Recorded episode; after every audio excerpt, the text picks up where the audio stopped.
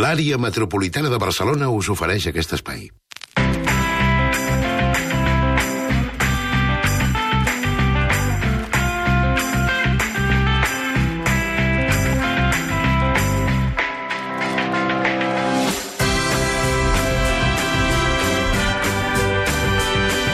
Falta un quart d'hora per arribar a les 6 de la tarda, moment en què la tribu de Catalunya Ràdio començarà el primer debat entre els dos precandidats mm, ja confirmats a la presidència del Barça, Agustí Benedito i Jaume Creixell, que moderarà aquí al Feixedes. Sí, em sembla que tu portes tot el tema dels oients i les línies sí, obertes. Jo llegiré els correus dels oients. Ara... Feixedes, aquest sorollet, saps? És que estem a la ràdio. Sí, no, no, no, no, Ai, ai, la premsa, ai, ai. amb la premsa, eh, sisplau, espereu a fora. Si va haver un follon... Sí, aquí fora, que hi ha poder 30 o 40 periodistes dels mitjans més, més, esportius o catalans més. i espanyols, fins i tot de...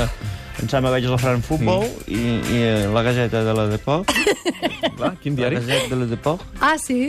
És uns italians molt francesos. Italians francesos, que fan un diari esportiu. Sí, que es diu la Gazeta de l'Esport. Abans d'això, a la tribu de Catalunya Ràdio ens fem els bons propòsits eh? pel cap de setmana amb el Josep Lambies, el Jordi Nopka i la Montse Barracón. Un aplaudiment pels Bravo, tres. bravo. Nois, rec recordeu que, que vaig demanar que m'escrivissin una carta? Sí? Sabeu quantes n'he rebut? Quantes? Dues. Cap. Una carta escrita a mà, eh? Vols una Ni carta una. Cap. Zero. Ja està, ho havia de dir. Repeteixo. Cap. Montse Barcón, Avinguda Diagonal, 614, 08021, Barcelona. Una carta Encara sou escrita a mà. temps. Si sou dels que encara escriu cartes a mà, escriu una carta a la Montse Barcón, que estarà molt contenta.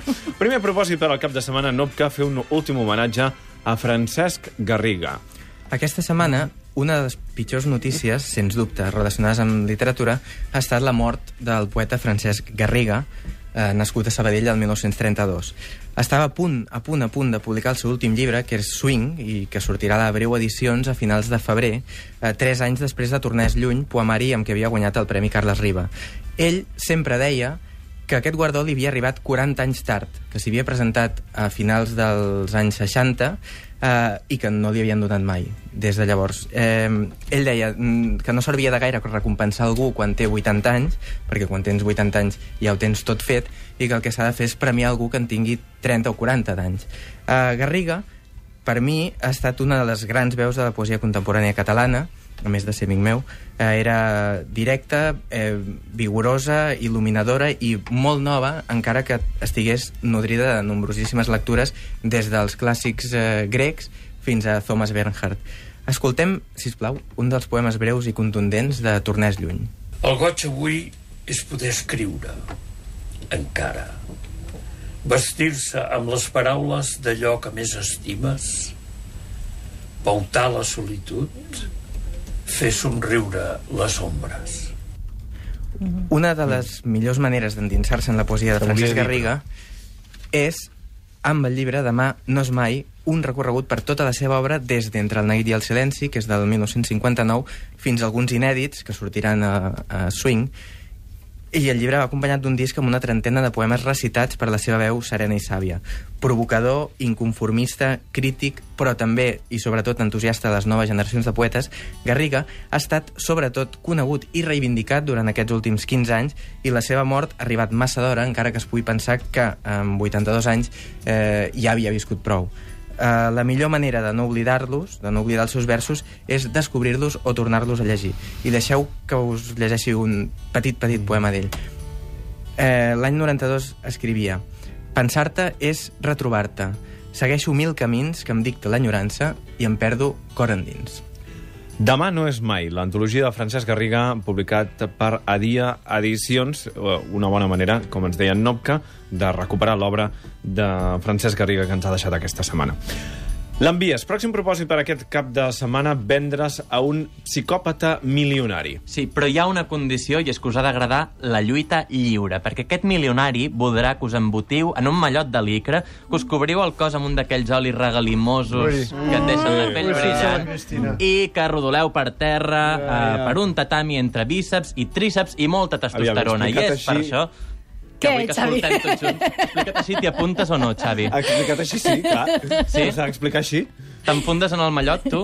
Sí? Mm, M'ho miraré, jo m'ho miraré. De moment et dedico, per el teu caràcter de futur lluitador, aquest himne.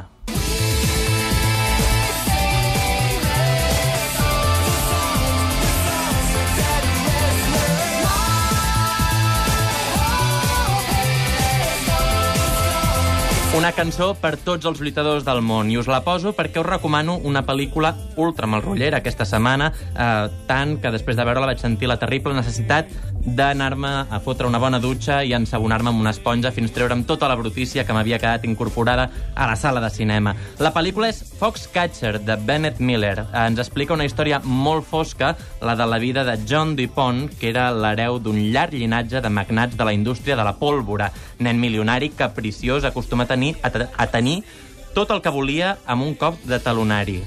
John DuPont destaca per dues coses. La primera és una nàpia descomunal que podria donar xupluc a tot Barcelona i extraradi, i la segona és una afició descarada pels lluitadors olímpics. Ho donaria tot per tenir-ne un parell a casa seva eh, que rodolessin a la catifa davant de la llar de foc, igual que dos gossos pataners. I com que els diners tot ho poden, eh, el tal Dupont adquireix dos lluitadors. Són els germans Schulz, que van ser medalla d'or als Jocs de Los Angeles de 1984 i que ara s'han convertit en les seves joguinetes particulars. Els Schulz van pasturant i van fent combats per les hectàrees de jardins de la casa d'aquest milionari fetitxista que tot s'ho mira des del seu xandall de polièster i la seva cara de vicioset. Aquest milionari, Dupont, està encarnat per Steve Carell, un actor còmic eh, guanyador d'un Globus d'Or pel seu paper a The Office, que aquí veureu fent un paper, diguem, semisseriós, eh, tràgic, eh, malcarat, amb un postís gegantí al mig de la cara, que li costa bastant eh, mantenir a puesto i per això d'anar caminant, diguem, amb la barbeta una miqueta elevada, com aquests homes del circ que fan equilibris amb un pal i un plat per tal que aquest nas grandiós que porta no li caigui terra. Doncs aquest cap de setmana podeu pagar dos forçuts perquè lluitin a casa vostra o podeu anar a veure Foxcatcher estrena d'aquesta setmana de Bennett Miller a qualsevol cinema. Barcon, pròxim propòsit per al cap de setmana, comprovar una vegada més que l'amor és pura química. Tan, tan, Ten, ten. tan, tan, tan, tan. Carol López torna per fi a l'escena catalana per dirigir aquest text titulat L'efecte, de Lucy Preble. Dos joves es sotmeten a un experiment farmacològic i a partir d'aquí sorgeixen temes com la salut mental, l'ètica professional, la manipulació del cervell, la sugestió o la fragilitat humana.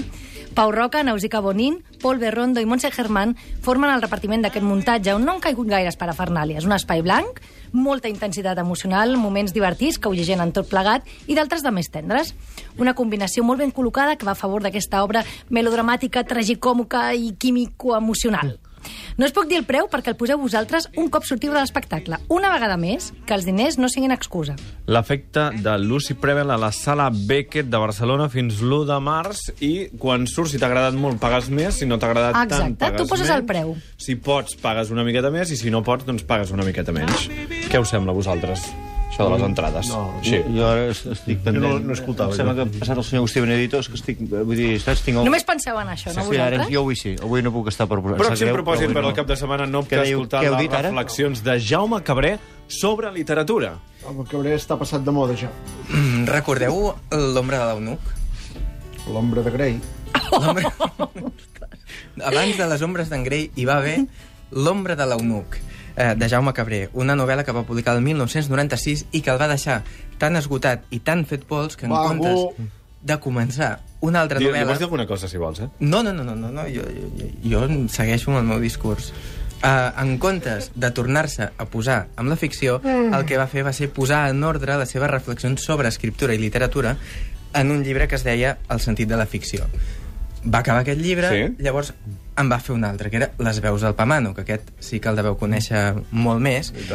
El podeu llegir en 16 llengües, per exemple, només el català.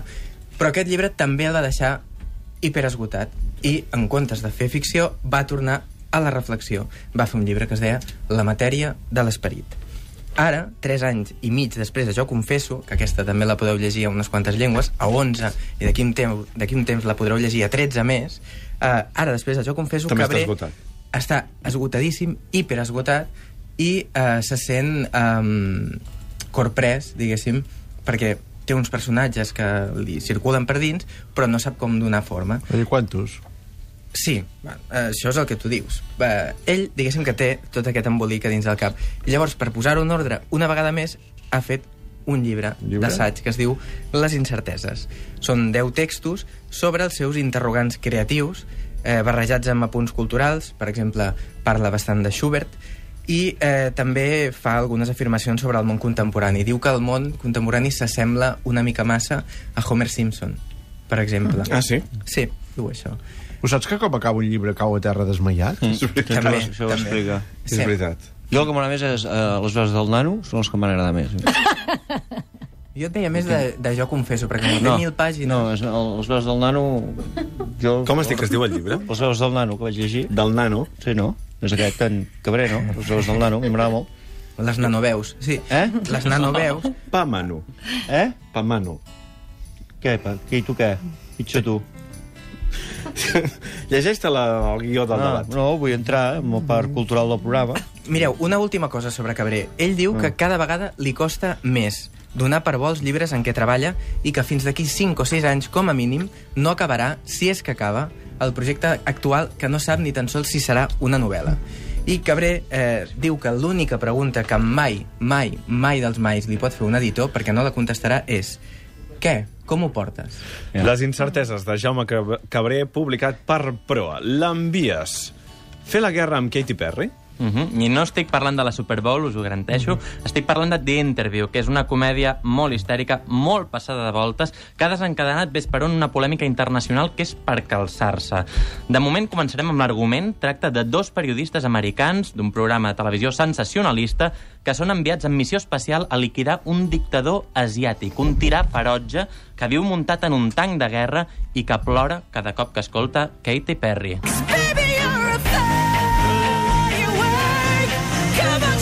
Al mes de juliol, un delegat del govern de Corea del Nord va declarar que aquesta pel·lícula era un insult i prometia que hi hauria represàlies contra els Estats Units si s'arribava a estrenar.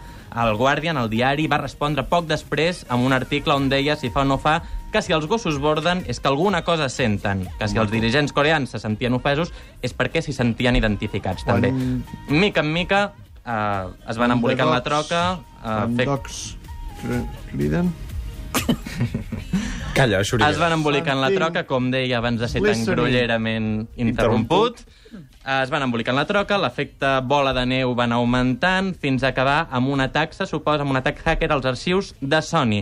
En qualsevol cas, aquesta pel·lícula, després d'haver anat recollint tanta publicitat amb aquests escàndols, arriba a les cartelleres... I val la pena? Segur que hi haurà moltes cues per veure-la. A mi he de dir que no m'ha encantat en absolut. Um, pel que fa a la provocació política, la comèdia americana té antecedents molt millors, des del Chaplin del Gran Dictador fins a l'1, 2, 3 de Billy Wilder, però tenint en compte que hi haurà riuades de gent que pagarà entrada per, per veure la pel·lícula, que menys que dedicar una estoneta del programa d'avui a xerrar-ne. Molt bé. The Interview, que s'estrena avui aquesta pel·lícula que ha portat tanta polèmica i que segurament com a mínim val la pena anar al cine per veure si Un, dos, tres, splash. mereixia Aquella la de la polèmica sirena, que ha tingut no, o no. Últim propòsit, La de la ràpidament, Coca-Cola. La de la Coca-Cola. per dos, aquest tres, cap de splash. setmana, per favor, deixeu parlar la Barcon, venjar-se de l'ordre mundial.